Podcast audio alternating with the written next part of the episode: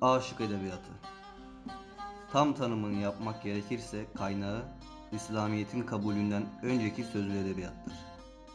15. yüzyıldan sonra gelişerek günümüze kadar ulaşmıştır.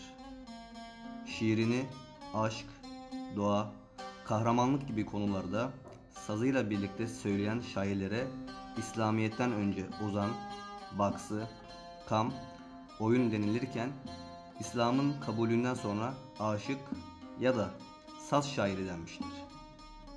Bu aşıkların oluşturduğu edebiyata da aşık tarzı Türk edebiyatı denir. Peki sadece bu kadar mı?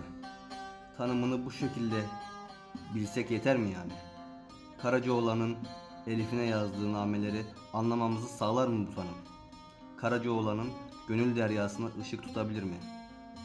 Dadaloğlu'nun zulme karşı baş kaldırısını Köroğlu'nun yüreğini açıklayabilir mi? Ya da hangi aşık bu tanımlar üzerinden yola çıkmış ve aşkı yakalayabilmiş?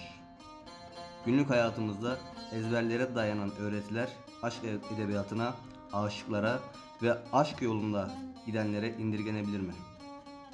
Sanmam. Karacaoğlan'ın şu dörtlüğünü anlamak için fazlası gerek. İncecikten bir kar yağar. Tozar elif, elif değil. Deli gönül aptal olmuş, gezer elif, elif değil.